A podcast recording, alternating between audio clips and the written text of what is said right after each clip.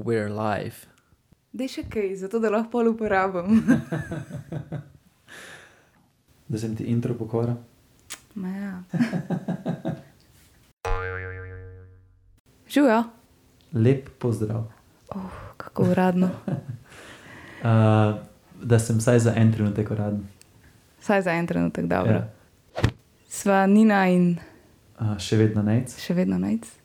In ti poslušaš drugo epizodo Voli Backstage.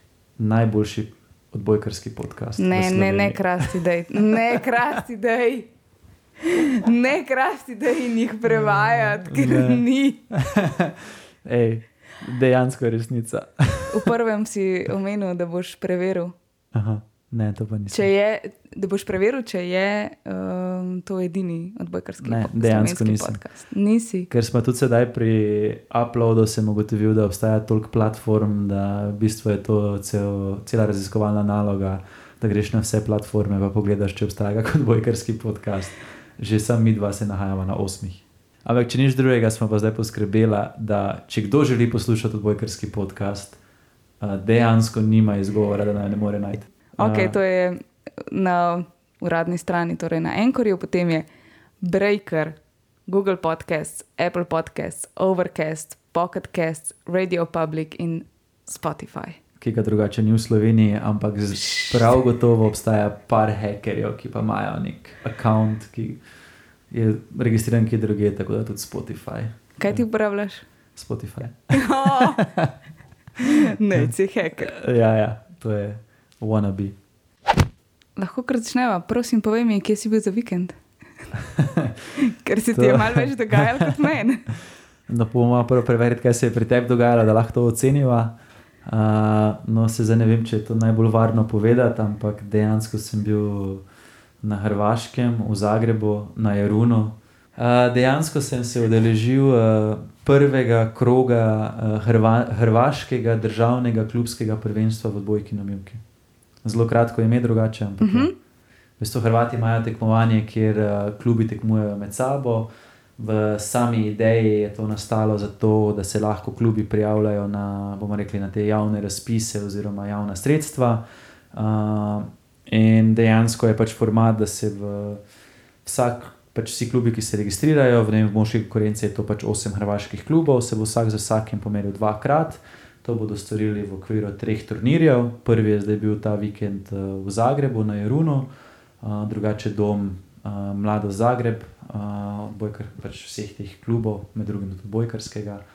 Uh, no, in sedaj tem, na prvem turnirju smo se že primerjali, pač vsak klub z vsakim enkrat. To pomeni, da je v bistvu že prvi krok, oziroma kot bi v nogometu bil pač recimo jesenski del, je zaključen. No, in uh, dejansko pa potem, ko se klub pomeri proti klubu, sta pač dve tekmi in klub sam določi, kdo je prva ekipa, kdo je druga ekipa. Tako da lahko imaš tudi v vsaki tekmi pač, vem, druge pare, oziroma pač nekdo igra prvo, za prvo ekipo, nekdo za drugo ekipo. Ampak, ja. In potem ja, dobiš za vsako zmago, pač dobiš neke točke, in potem se ustvari lestvica. Tako da, ja, mi dva z Janom smo se pridružili klubu Kop Siget, to je klub iz Zagreba in uh, smo pač se malo igrali. Smo se mali igrali, je rekel. Ja, drugače pač povem, da se igramo v peskovniku, pa si mečemo pesek v oči, zdaj smo se pa malo igrali. Lepši izraz. Ja, pač odvisno, kaj želim povedati. Aha, ok. Istočasno je tudi v Sloveniji potekal kar nekaj turnirjev, predvsem za mlajše selekcije, to se pravi 20, 16 in 14 let. Uh, ja, mislim, da če bomo zdaj pogledali malo po krog, potem mogoče tudi v srednjem evropskem prostoru, uh, pač vidimo, da so se začeli odvijati neki turnirji oziroma pač prva tekmovanja. Zdaj pri nas je po tistem turnirju Sport Zone v predvoru, pred dvema tednoma imamo sedaj predvsem mlade na delo. Uh, Potem v drugih državah pa se najde tudi par članskih turnirjev. Pač zanimivo je pač tudi to spremljati malo za to povezavo vem, samega turnirja z uh, pač formata turnirja, z primerljivo pač z korona ukrepi, ker je pač vseeno malo od države do države odvisno. Vsem je pa pač skupno to, da se pač trenutno odvijajo pač lokalna oziroma nacionalna scena. Kako imajo v bistvu Avstrijci? Uh, ja, Avstrijci so vzeli 12 moških, 12 ženskih ekip, so jih razdelili v tri skupine, po štiri ekipe. In pa vsako to skupino so dali na različno lokacijo, to pomeni, da v petek so igrali v Celovcu, Klagenfurtu, v soboto so igrali v Salzburgu, in pa v nedeljo so igrali na Dunaju, da ne bom rekel v Vinu. Uh, Vse sem jaz tukaj zato, da prevajam. Aha, ok, no tu pa tam se že sam. Uh, ja, torej so pač imeli tri dni, tri lokacije, pa pač na vsaki lokaciji so imeli različne ekipe, pač po štiri. So pa imeli tudi že predtem, so pa imeli v bistvu nek draft, kjer so pač po, glede na razvrstitev, so si lahko pač ekipe po vrsti izbirali lokacije. Tako da uh, ja, je bilo pač malo tudi nekega dodatnega naboja. Zdaj pa mislim, da res lahko da te res lahko prosim, da poveš kaj o svojih najljubših Nemcih, o njihovem sistemu in kako so se v bistvu oni prilagodili temu, da ne morejo igrati pred gledalci, pred navijači, da ne morejo igrati turnirjev po svetu. No, preden naredil... jaz razložim to, ne, moraš pa ti povedati, katero je pa tebi najljubše od vseh. Teh, ki se trenutno dogajajo. Ja. Jaz se ne morem reči, da ta ni delač najboljši, ampak pač ni zdaj blazno veliko dogajanja. Ampak vsekakor pa mislim, da še oni sami niso tako navdušeni nad tem, kot si ti. Uh, to je pa zelo, zelo debatable. Uh, mislim, da je vseeno en odziv nemške javnosti, pa bič volje javnosti, zelo pozitiven. Uh, tudi lahko to potrdijo z nekimi številkami. Ja, ampak je to zato, ker dejansko ni toliko ostalega dogajanja, ali zato, ker je to sistem, ki uh, obeta tudi v prihodnje? Ja, dobro, zdaj jaz verjamem, da obeta. Zdaj, prvo, preden se gremo v analizo, mogoče prvo ja, razlaga. Uh, ja, mi dva ga pač poznava. Dejansko, kaj so Nemci naredili, uh, meni osebno še malo bolj ljub model, ker mogoče izhaja iz uh, igralskih vrst samih. Uh, uh -huh. Pomeni, da dejansko so za tem projektom stojijo, pač bomo rekli, še aktivni igralci Beachvolija, ki so se. Uh, ki so se angažirali za to, da pač imamo v tem trenutku neka tekmovanja. Uh, kaj so naredili? Vzeli so osem uh, prvoženskih ekip, so jih postavili na eno lokacijo, so seveda poskrbeli, da so korona testirane. Uh, potem so seveda se izognili gledalcem, tako da se pač te tekme dejansko predvajajo samo preko spletnih platform, oziroma preko spletne platforme ene, Twitcha, ki ga pač poznajo, drugače bolj gameri. Uh, in kakšen je sistem, osem ekip na eni lokaciji. Uh, in igrajo v bistvu v enem tednu, odigrajo dvokrožni ligaški sistem, kar pomeni, da bo vsaka ekipa igrala za vsako dvakrat. To pomeni, da je 14 tekem za ekipo, kar pomeni, da vsak dan odigrajo dve tekmi, in v sedmih dnevih so pač odigrale vsaka ekipa za vsako uh, dvakrat, potem se zamenjajo ženske, grejo domov, igrajo moški, enako potem se spet zamenjajo in še enkrat ženske in še enkrat moški, kar pomeni, da je to potem na koncu 4 tedne, 28 dni. Uh, Imajo dejansko odbojke na milki, zdaj to dejansko znese, da se vsak dan odvija od 12 do 8, kar je pač 8 tekem, 8 ur, bič volja. Uh, potem na koncu pa še bodo imeli pač 2 dni za Final Four, to pomeni pač potem 4 krožnem sistemu, bodo pač najboljše štiri ekipe še odigrale potem v enojni eliminaciji, pomeni samo polfinale in finale. Uh, in en dan pač spet ženske, en dan moški. Ampak to je recimo v tej situaciji za igralce, za tekmovalce izjemno dobrodošlo. Kaj pa recimo čez tri leta? Uh, si boš lahko prvoščil mi dejansko 28-dnevni turnir? I... Bomo videli. No, uh, ampak ne, gre se za to, da ima dejansko uh, nekaj drugih pozitivnih stvari. Uh mhm. -huh. Zdaj, uh, ena od teh stvari je, da pač, kar se dejansko vedno prodaja pri odbojki na Milki, je pač sam event tekme in to se prodaja samo, bomo rekli, na lokaciji. Kar pomeni, da je pa moče, če spet če uporabim ne vem, nek konkreten primer. Ne vem, na koncu se postavi uh, kongresni trg in ljudje pač lahko pridejo pogledajo na kongresnem trgu. In če pač niso na kongresnem trgu, pač tega dejansko ne morejo gledati. Uh, prevečkrat se zgodi, da je pač edina vsebina, ki je ponujena, je pač dejansko samo prizorišče. Pa to zdaj ne želim v bilo kakšnem negativnem izpostavljati kongresni trg, ampak to gre dejansko za vse lokacije razumem dilemo, ja. ampak kako pa kot nekdo, ki te preveč ne zanima, recimo odbojka mhm. ali odbojka na milki, sploh lahko priješ do te informacije in kako te to pritegne potem? Ali je to pač namenjeno res temu krogu ljudi, ki jih to zanima? Ja, jaz osebno verjamem, da je pač prvo treba tudi malo bolj zaangažirati ta krok ljudi, ki jih to zanima. In zato se mi pač tudi zdi, da so s tem, ko so pač dejansko se pojavljajo 30 dni zapored, ko se pojavljajo na platformi in to pač propagirajo v teh odbojkarskih krogih, so prvo zajeli to, bomo rekli, če se mene vpraša, najnujnejšo uh, populacijo, ker pač dejansko ti rabiš tudi ti ne rabiš samo gledalcev, ki pač to enkrat pogledajo, ampak vsak šport si želi angažirane gledalce.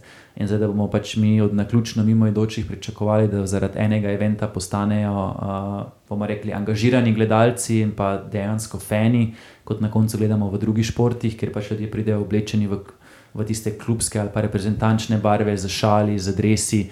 Uh, mislim, da se s tem ne bo naredilo, da tega se ne bo doseglo z naključno mimoidočimi ljudmi ampak dejansko z tistimi, ki so malo bolj angažirani in pač dejansko vemo in pa spremljamo, da je odbojka na milki močen rekreacijski, rekreacijski šport, kar pomeni, da pač je ogromno ljudi, ki grejo pa radi igrajo. Uh, mogoče pa še jim do zdaj ni bilo dovolj ponujenega, da bi pač postali tisti, ne vem, die hard fani.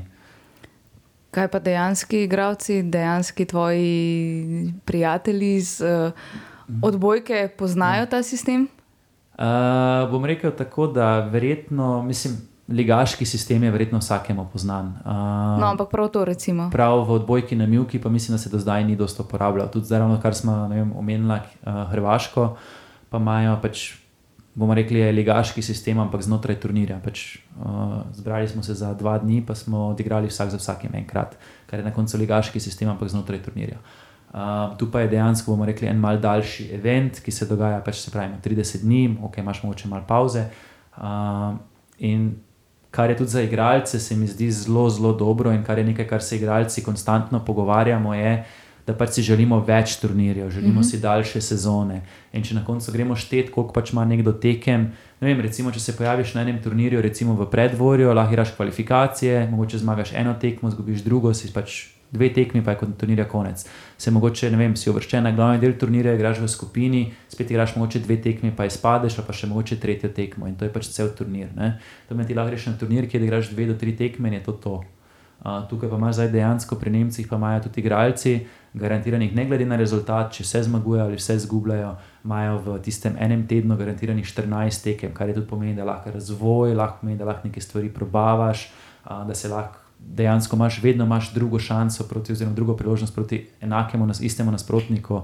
Tako da je, je nekaj benefitov tudi za igralce. In pač ti rabiš, igralci rabimo, igralci potrebujejo priložnost za razvoj, priložnost za igranje, priložnost za tudi na koncu, da se pokažejo svojim sponzorjem. Oziroma, pač, ja. Tako da, dosti, dosti je tudi benefitov za igralce. Tako da ta sistem. Uh, mi kaže tudi druge, ja, tudi meni kot igralcu, nek potencial. Kakšna pa je dejansko kakovost teh iger? Um, to je pa na koncu vedno odvisno od kvalitete igralcev, ki se zberejo. No, zdaj, recimo pri, zdaj pri Nemcih je ženska, ženski del turnirja še močnejši. Ne? Na koncu najdemo tudi mm. par reprezentantk, igralke, ki so igrale na svetovnem prvenstvu tako da je ženska scena trenutno malo močnejša, je pa definitivno s tem, ker imajo samo osem ekip, tudi primerljivo z vsakim njihovim tem, bomo rekli, nemška tour. Zdaj to je včasih bil Smart Tour, zdaj je Technical Tour. Uh, in v bistvu pač dejansko je primerljivo z nivojem, ki ga imajo tudi drugače na um, državni seriji turnirjev. Um, Pač, ker vemo, da tudi drugače zajemajo, ne vem, ponavadi zajemajo te državne serije 12 oziroma 16 ekip, In tudi tam večinoma, bomo rekli, ti reprezentanti, tisti, ki igrajo na svetovni seriji, uh, doskrat manjkajo. Oni so ne vem, nekje, na, nekje na svetovni seriji, nekje v tujini in pač državne mm -hmm. doskrat spustijo. Tako da tistih prvih štirih ekip ponavadi tako ni. Uh, bomo rekli od teh ekip, ko so pa potem vem, od 5. do 12. mesta, ok, mogoče še katera manjka, ampak prav gotovo je pa potem tista naslednja ekipa, ki je noter tudi med teh 16 ekip, ki bi drugače nastopali na njihovi državni turi. Tako da uh, Uh, ampak s tem, ker pač so, bomo rekli, v tem trenutku izbrane ekipe, kar mogoče dolgoročno ni cilj, ker vseeno pač, vem, čim zapiramo vrata vsem ekipam, oziroma tudi novim, da prihajajo, ne ustvarjamo idealnega uh, sistema, tako da pač ni vse uh, ideal, pa kopirajmo samo to. Ampak to, da imajo pač igralci večje število tekem, da si lahko tudi organizatori točno zbirajo, kdaj je katera tekma, da lahko objavijo koledar, ne vem, sedem dni prej ali pa 14 dni prej. uh, so tudi neke pozitivne točke za organizatorje. To, da se potem mogoče ne odvijajo tekme od 8 zjutraj do vem, 8 zvečer, kar je tudi za gledalca ne mogoče gledati, mm -hmm. je mogoče spet pozitivno, da se malo bolj zajame tisti, bomo rekli, malo bolj prime time. Uh, Ma kar nekaj pozitivnih točk. No. In mislim, da se marsikaj od tega se bomo mogoče v prihodnosti videli. Mogoče ne čist enakem formatu, mogoče bojo neke spremembe, ampak to, da se na koncu igrajo neke ligaške tekme, a, kjer so tekme zagarantirane, kjer se lahko naprej vemo, kdaj se bodo igrale, a, mislim, da se bo to a, ponavljalo. Poleg tega pa še potem, mislim, da je pač bomo rekli neka demografija a, ljubiteljev odbojke na Mjuki. Je definitivno uh, primerna, da najdemo to na neki spletni platformi. Če je to na koncu Twitch ali je to na koncu ne vem, bilo kaj drugega, uh, čist možno, ali je to na koncu samo spletna stran, ampak mislim, da večina ljudi, ki konzumira odbojko na Mjuki, oziroma so zainteresirani za njo, niso nujno na televiziji, pa niso nujno na Sloveniji 2 ali pa vem, na enem drugem kanalu. Uh, Pa da dejansko iščejo tam odbojko na Mjuki, ampak da gre večinoma za ljudi, ki si tudi sami poiščejo, pa naj bo to film ali pa bilo katera vsebina, ko jo pač iščejo. Mislim, da je pač to neka demografija odbojke na Mjuki. Um, recimo, kar je meni pri njih všeč, je pa to, da ti si ti sigurno, pač, ne vem, ne morem reči, kakšen odstotek tekem tudi pogledaš, pa kakšno tekmo dejansko tudi pogledaš, v celoti, verjetno. No, jaz v celoti ne pogledam nobene tekme. Vem pa dejansko, kaj se dogaja. Zato, ker so tako aktivni na, na, vem, na svojem Instagramu, uh, dejansko veš za, za vse dogajanje, dejansko veš vse, kar se zraven dogaja, um, kaj vse oni delajo ob igrišču. To, da imajo dejansko, ja, kot si rekel, prenos, to, da so pač interaktivni, da pač so dejansko tako dosegljivi do, nek, do enega gledalca, do navijača, do nekoga, ki ga to zanima. Um, pa ne vem, dejansko imam občutek, kot da vem, kaj se tam dogaja. Dejansko vem, da pač, ko vem, dva zaključita tekmo, ko dve punci odigrata, vem, kaj se dogaja za tem takoj, ker so dejansko tako aktivni tudi na tem področju, da imam jaz občutek, da vem, kljub temu, da nisem tam, pa kljub mm. temu, da mogoče nisem pogledala njuni, njune tekme, mm. ne vem, ki so jo odigrala imam dejansko občutek, da vem, zakaj gre in kaj se zdaj dogaja tam. Ok, rezultat vidim, super, v redu, ga lahko čez pet minut pozabim, ampak vem pa, ne vem. Najboljše točke, kako so bile dobre, posnamejo ogrevanje, posnamejo to, da snemajo gife, posnamejo komentatorje in tako naprej. In to obrobno dogajanje je, recimo, meni blazno zanimivo, zato ker dejansko lahko vidiš na ta način, kaj se dogaja še zraven, na taki, na enem takem turnirju. In definitivno mislim, da je to pač neka prihodnost tudi v odbojki na Mjuki, da bomo imeli pač skozi, ne skozi, ampak pojavljajo se bodo neke obrobne alternativne vsebine, oziroma da tudi če kot gledalec zamudiš samo tekmo, še nisi zamudil celotnega dogajanja. Pa naj bo to potem v obliki highlightsov, naj bo to v obliki uh, ne vem, nekih ne samo intervjujev, ampak celotnih študijev, analiz. Uh, mislim, da se bo tukaj dosti drugih stvari dogajalo. Je pa tudi seveda pri tem ligaškem formatu. Vem, pogledaš tabelo, pa veš, kaj se dogaja. Uh mhm. -huh. Če pa je pač turnir, pa že moraš vedeti, aha, katera tekma je to, kaj je to četrt finale, aha, prvo kolo, kaj to pomeni. Potem še imamo različne sisteme, aha, da če izgubijo, še imajo eno šanso, aha, ali so še v skupini. In pač liga je pač zelo enostaven format. In to, da pač vem, na koncu zamudiš tekme, odpreš tabelo, pogledaš, aha, igrata drugi proti sedmemu, super, vemo, kje smo in to je to. Ja, ampak, ko rečeš, da, da se vse to dogaja, oziroma da se bo to v prihodnosti dogajalo, na koga to pade? A pade to na take zanesenjake, kot so oni, ki so se zdaj tega lotili, to se pravi, nekdo, ki ga to zanima, in nekdo, ki je profesionalen igralec, ali to pade na koga drugega? Uh, ja, ne vem, to je. To bo imel vsak svoje mnenje, ampak jaz bom pač tako rekel, da jaz sem tu vedno bolj zanašan na privatni sektor, tako da pač zato, zato me je se mi zdi, da je v tem primeru se pač nekateri pač njihovo zadje, da so še vedno igralci, ampak oni so imeli to idejo in so to resničili. In tudi jaz tu računam, da se bodo prej, ko slej, uh, se bodo pač tudi, ne vem, ali pri nas ali pa drugje, ampak se bodo pač pojavili zanesenjaki, ki bodo v tem pač videli, bomo rekli, nek model, ki funkcionira in se na koncu ga bodo razvili. In mislim, da je pač veliko večkrat je to nek privatni sektor, ki to naredi. Zdaj, kdo se pojavi v tem privatnem sektorju, je je vedno stvar razprave, ampak ne vem, za mene, uh, se pravi, mislim, da se bodo pojavili nekdo, ki bo v tem videl možnost, da tudi na koncu nekaj zasluži. Mislim, da pač vsak, ki se z nečim ukvarja, mora imeti od tega tudi na koncu neko finančno korist in da mi pričakujemo, da bo sedaj, ne vem. Organizatorji vedno organizirali zato, ker jim je pač to full fine šport, pa ker so full entuzijasti, na koncu pa vlagali svoj denar, pa imeli izgubo. Mislim, da je to pač en nezdržljiv model in na koncu se meni zdi super. Za mene so vedno bili pač največji stakeholderi v, v, rekli, v našem športu, so pač organizatorji, pa igralci, če se mene vpraša. Uh, in pač zato, ker brez organizatorjev nimamo turnirjev, pa prav tako pa brez igralcev nimaš pač tega spektakla. In tako da za mene je pač zelo pomembno, da organizator zasluži in pa tudi posledično uh, tudi igralec zasluži, ker potem imamo profesionalce, ki ponudijo pač večji šov, večji spektakl. In na koga staviš, prnemci? Kdo bo zmagal, to mislim? uh, ne vem, meni je pravi, meni je zdaj to postalo bolj, da spremljam to samo dogajanje, ker se mi zdi, da se pač iz dneva v dan se izboljšujejo, njihove številke se izboljšujejo, več gledalcev imajo in pa tudi oni sami so se mogoče malo v to podali. Vam rekel, malo na juriš po naše, vse neke osnove so bile pripravljene, ampak pač se je videlo, da so imeli vseeno pač neke growing pains, da so se pač.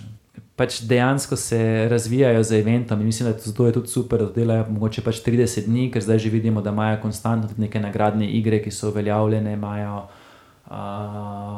te študije, ki so po vsakem dnevu se zdaj pogovarjajo, pa naredijo analizo dneva. Pač mislim, da za vsakega, ki pač razume nemško, uh, bi, se splačalo, bi se splačalo to. Ali pa da vsaj malo razume nemško. Vsaj imajo vse neke osnove. Mislim, da se že pač nadalječ vidi, da je to zelo perspektiven format. Pa še zdaj sploh nismo govorili o tem, da mislim, da so tudi komenta samo komentatorstvo vzeli na naslednji nivo, s ja. tem, ko so pač dejansko vzeli, uh, vsi komentatorji so dejansko moč niso eksperti v športu, so pa eni zelo entuzijasti, ki se spoznajo na sceno in imajo, bomo rekli, vsaj uh, malo več kot pa samo osnove tega športa. In zato pač tudi vsak gledalec, mislim, da dobi nekaj novega. Uh, dejansko komentirajo, doskrat komentirajo sami igralci, mm -hmm. uh, pač ne tisti, ki je na igrišču, ampak pač tisti, ki ima ravno prosto tekmo. Uh, doskrat komentira, kak trener zraven, poleg tega pa tudi tisti, ko bom rekel, ki je povezovalec, je pač vem, podobno kot tukaj. Uh, pri, te, uh, pri nama. Ne, mislim, da pač pomembno je to, da se pač ti spoznaš na ta šport in je potem lažje ta poistovetenost. Se še učim. O, diplomatski odgovor. to sem se od tebe naučila. Ja. Ne vem, če slovim ravno kot diplomat v bilo katerih krogih. Hmm. Ne bom komentirala. exactly. No, daj povej, no, kdo bo zmagal. Puh, pri ženskah imam kar, uh, bomo rekel, dve, tri favoritinje, uh -huh. uh, tako da težko napovem. Uh, pri moških pa verjetno sta res po prvem krogu, bi se šla 13-1, da sta neka favorita, čeprav tudi za mene, mislim, da na koncu, ko se igra za zmago, se igra samo ena tekma, pa sta ona pa tudi, bomo rekel, kar favorita, da ne zmagata, ampak pa zaenkrat Valken Horst Winter. Uh, drugače, mislim, da sta vsaj pri moških še dve ekipi od zadaj, ki lahko močno konkurirata. To je uh, Erdman Timerman, uh, Joni Erdman je drugače, ne vem, tretje mesto na svetovnem prvenstvu. Um, tako da bomo rekli, tudi na olimpijadi je bil, mislim, da deveti v Londonu. Uh, tako da ja, že ima nekaj izkušnje. Uh, druga ekipa pa je ta Westfall Becin, uh, ki mislim, da tudi sta se zaenkrat pokazala, kot sta trenutno na drugem mestu, ampak no, tako da mislim, da pri njih sta ta računa, če to so pa nekaj te tri ekipe pri moških. Hvala. Provokator. Ne, sem pač. Zdaj se mi je, koga misliš, koga boš rekel, in sem čakala, če bo to prišlo zdaj. Mislim, to je. Ko imata bilanco 13, 1 po 14 tekmah, uh, je težko jih ne imeti kot favorita. Ja pred kratkim smo pa zvedeli tudi novico, ki je recimo mene tudi zelo razveselila, med drugim tudi vredno tebe, pa vse, ki spremljajo ta sistem katera, tekmovanja. Katera, katera. pa predvsem tiste, ki tekmujejo tam, ampak ne več neki, kar je mogoče uh, tudi meni zelo všeč. Pa sem pogrešala v letošnjem letu in to je seveda pač King of the Court. Sistem. Tako je, tako je prvo vprašanje. Prvo vprašanje. Joj, ja. Zakaj ti je to všeč? Uh, ne, pa ti je dejansko bolj všeč kot. Uh, ali moramo prvo razložiti, kaj sploh ta format Ja. je? Deva najprej razložiti. Um, gre v bistvu za format tekmovanja, kjer. Oh. Zdaj sem težko lovila na tiste ja. tvoje besede prej. Dve ekipi igrata, Ja, dve pa Igrata- čakata. dve pa čakata. Ni nujno, da sta dve. ne. Uh, Ja. Pet ekip. v bistvu se začne, ja, v bistvu je poslanih, bomo rekli, na prizorišču. je Na, sistem je ponovadi tak, da je prvo pet ekip. Pet ekip je Ja. ja. dejansko, in potem so tri runde. Ne? Je tako. In potem so tri runde, ampak dejansko igrata ekipa proti ekipi, ampak vsako točko se pa zamenja ena ekipa, ekipa, na igrišču. tako. Tista, v bistvu, ki izgubi točko, Točko cilj je pa, da ja. čim več točk Ja. dobiš. Ja, v bistvu to je pač dejansko format, ko ga doskrat igramo recimo na treningih, mm. -hmm. ker imamo tudi večkrat, smo recimo, zdaj recimo na nekem profi nivoju, praktično ni nikoli več kot tri ekipe na igrišče, ampak potem bomo rekli skozi neke te mladinske pogone, pa imamo včasih po štiri, tudi izjemoma, moče se da tudi pet ali pa šest ekip na igrišču. In pač dejansko, o, potem, ko pride v igro, je pač, da zmagovalec gre na zmagovalno stran, ki je pač sprejem servisa, to pomeni, pač delaš side-out oziroma menjavo. In dokler pač to menjavo uh, držiš, oziroma uspešno upravljaš, pač ostaneš na tej zmagovalni strani. In vsakeč, ko na zmagovalni strani zmagaš, dobiš točko.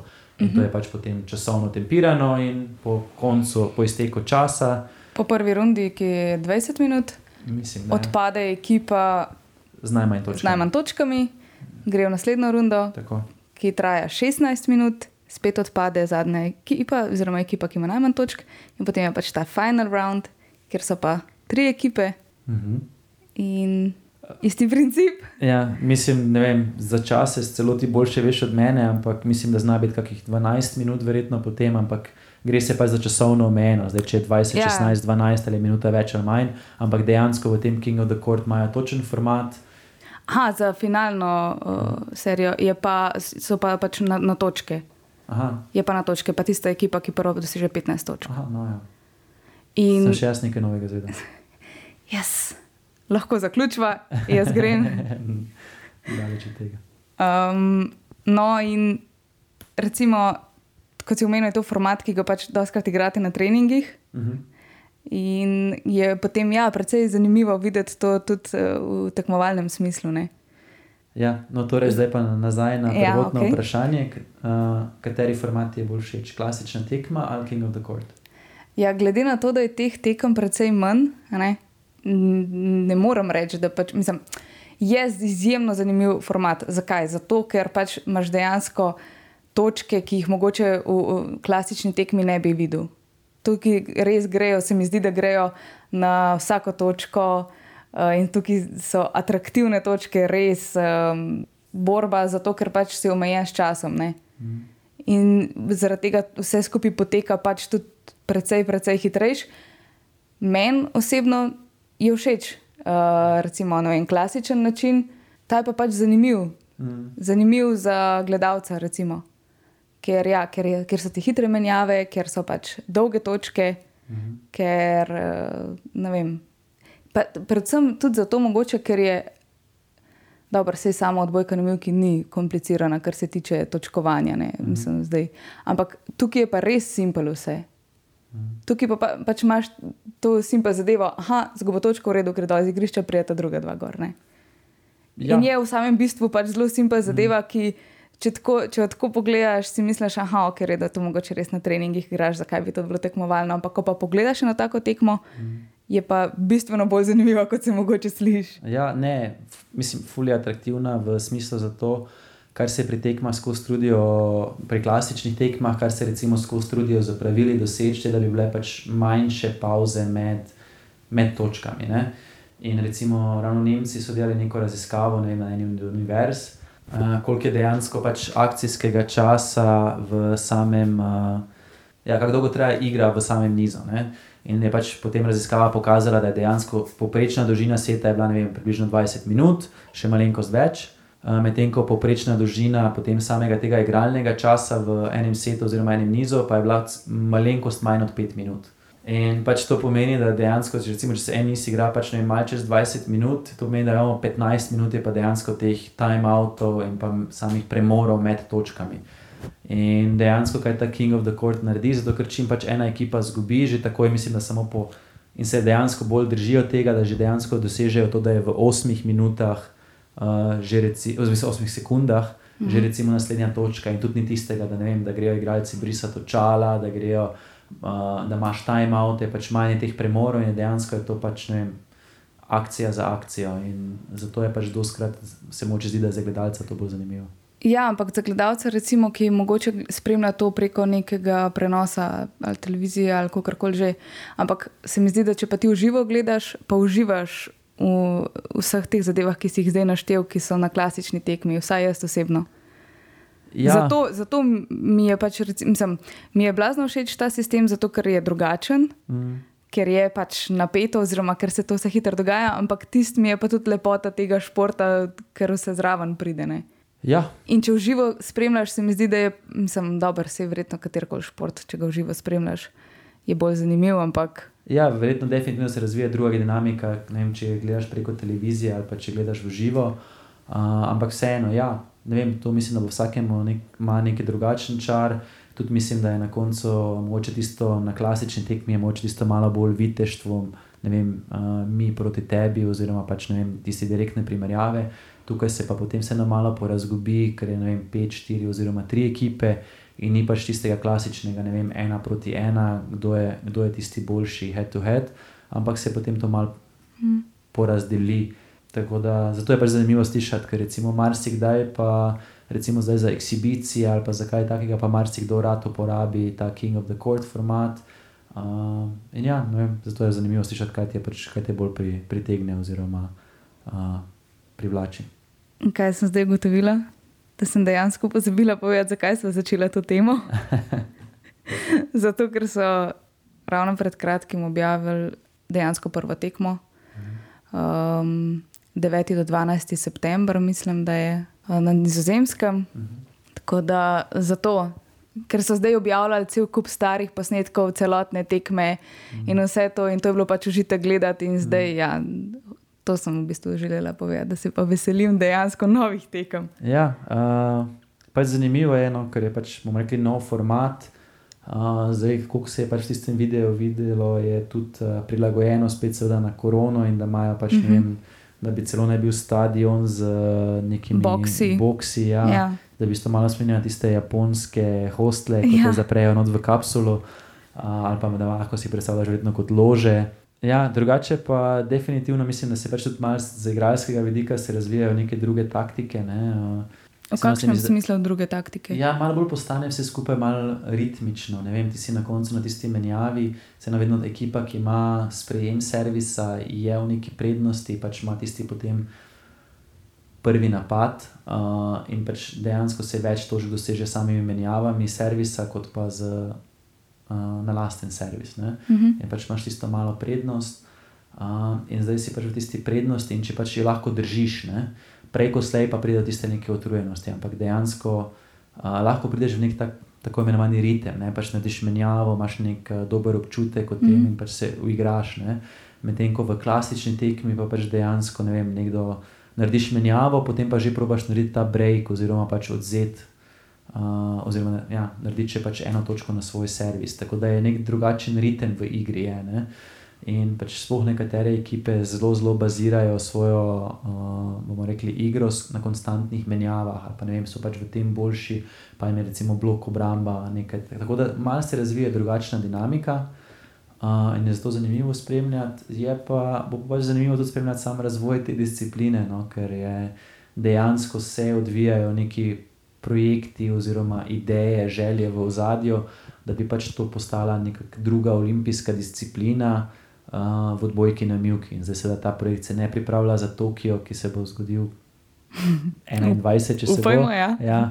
Uh, tudi ni še v planu za Pariz, za 24, ampak dejansko se pojavljajo neke ideje, da bi to pač bila druga disciplina v odbojki na Milki za 2028. In mislim, meni je to, bomo rekli, z tega nekega menedžerskega oziroma funkcionarskega vidika, je to zelo zanimivo spremljati, zato ker pač vse bomo rekli, vem, finančne uh, investicije, oziroma ja, se dogajajo na tem reprezentančnem nivoju in so nekako povezane s tem, večja kot je možnost tistih najboljših ekip, da dosežejo neko medaljo, oziroma da se uvrstijo na olimpijske igre, večja so financiranja. In, zdaj dejansko pa bodo lahko vse države, nacionalne zveze prodajale, verjetno dva kompleta medalj, ne samo en komplet medalj.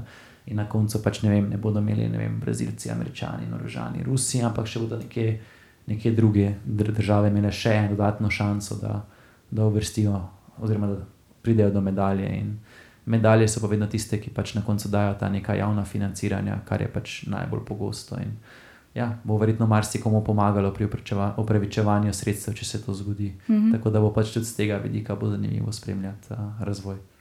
No, v tem primeru bi, bilo verjetno, bi bil potreben drugačen sistem, ker zdaj, če se ne motim, je, so ekipe, ki sodelujejo na teh uh, turnirjih, so povabljene. Ne? Ja, ja. definitivno to je zaenkrat samo ideja, nekaj, kar se recimo v zadnjem malo pogovarjajo, oziroma pripravljajo bolj koncepte v tem trenutku. Ampak um, ja, treba bo na koncu pripraviti nek kvalifikacijski sistem, nek točkovnik. Mm -hmm. uh, ampak mislim, da gre za en koncept, ki ga je zato, ker se pač v enem dnevu lahko to odigra. Uh, to se lahko bi dejansko v vsakem obstoječem turnirju še pač dodaš Eh, na koncu, vem, podobno kot meni, zdaj prvo, kar mi pade na pamet, je biatlon. In pač podobno lahko vem, na koncu na kongresnem trgu spremljamo 3-4 dnevni klasični turnir, pa na koncu še vem, na začetku, no, prvi dan ali pa zadnji dan, še pa spremljamo potem vem, King of the Court. Kaj pa, kaj pa recimo igravci, ne? kako ja. gledajo pač na ta sistem turnirja? Zdaj ne vem, pač delujejo navdušeni, ampak so navdušeni samo tisti, ki so dejansko povabljeni ali tudi ja. vsi ostali. Mislim, Zdaj, ja, okay, če bi če, se to dodajalo vsakemu turnirju, kot si rekel, potem bi verjetno imeli vsi ja. več od tega. Ne? Ja, jaz sem pač kot igralec težko navdušen nad tem, če še nisem, nisem tega nikoli igral. Mislim, igramo na treningih, igral sem na par nekih neuradnih eventih, ampak na teh velikih tekmovanjih, ki so pač recimo ta King of the Court, ki so ga imeli pred dvema sezonama, uh, pač dejansko so bile samo povabljene ekipe in meni to pač dejansko ni predstavljalo nič. Uh, zato, ker pač nisem imel priložnosti na tem sodelovati. Uh, drugače pa mislim, da je po vseh nivojih, od na koncu vem, olimpijskih svetovnih prvakov pa do uh, rekreacije, mislim, da se v odbojki na Milki pojavlja oziroma ponavlja eno prepričanje in to je, da je pač eventov na vsakem nivoju premalo in da bi si jih na vsakem nivoju želeli več. Tako da na bilo katerem nivoju se King of the Court vključi, so tisti igralci zadovoljni, pa naj bo to na koncu nacionalni nivo, naj bo to nek regionalni nivo, naj bo to vem, kontinentalni ali pa mogoče celo na koncu svetovna raven. Ne. Mislim, da na bilo katerem nivoju se bodo dodali te eventi, bodo igralci na tistem nivoju to pozdravili z odprtimi rokami. Lahko zaključim s tem, da sem bila dejansko povabljena na enako število King of the Court turnirjev kot najzemljak. uh, uh, ja. Yes. Še ena zmaga danes vsaj svetovne serije. Ne? Ja, ja, ja, ne, sej, tako drugače me vabijo skozi, samo rečem. Ja, ja, ja, no, sej. Good, good. ok, lepo bomo zaključili z lepo mislijo. Povej naj če enkrat, kje naj jo lahko najdejo. Mogoče ni treba vseh osem našteti, ker vem, da jih ne veš, ampak no, mogoče tiste bistvene ali pa kje ja. naj jo najdejo. Ja, dejansko se naj jo lahko najde na tudi socialnih omrežjih, tako da in na Facebooku, in na Instagramu uh, oziroma potem na bilo kateri od teh spletnih strani. Uh, če se opiše, ne vem, Voli Backstage podcast, mislim, da naj, da naj najde. Tako da lahko pa tudi začnejo na Facebooku, pa na Instagramu, tudi kak všeček je tudi dobrodošel. Tudi z moje strani se mi zdi še. Začni, be a good example. Ok. Dobro, hvala lepa. Hvala in do naslednjič. Ciao.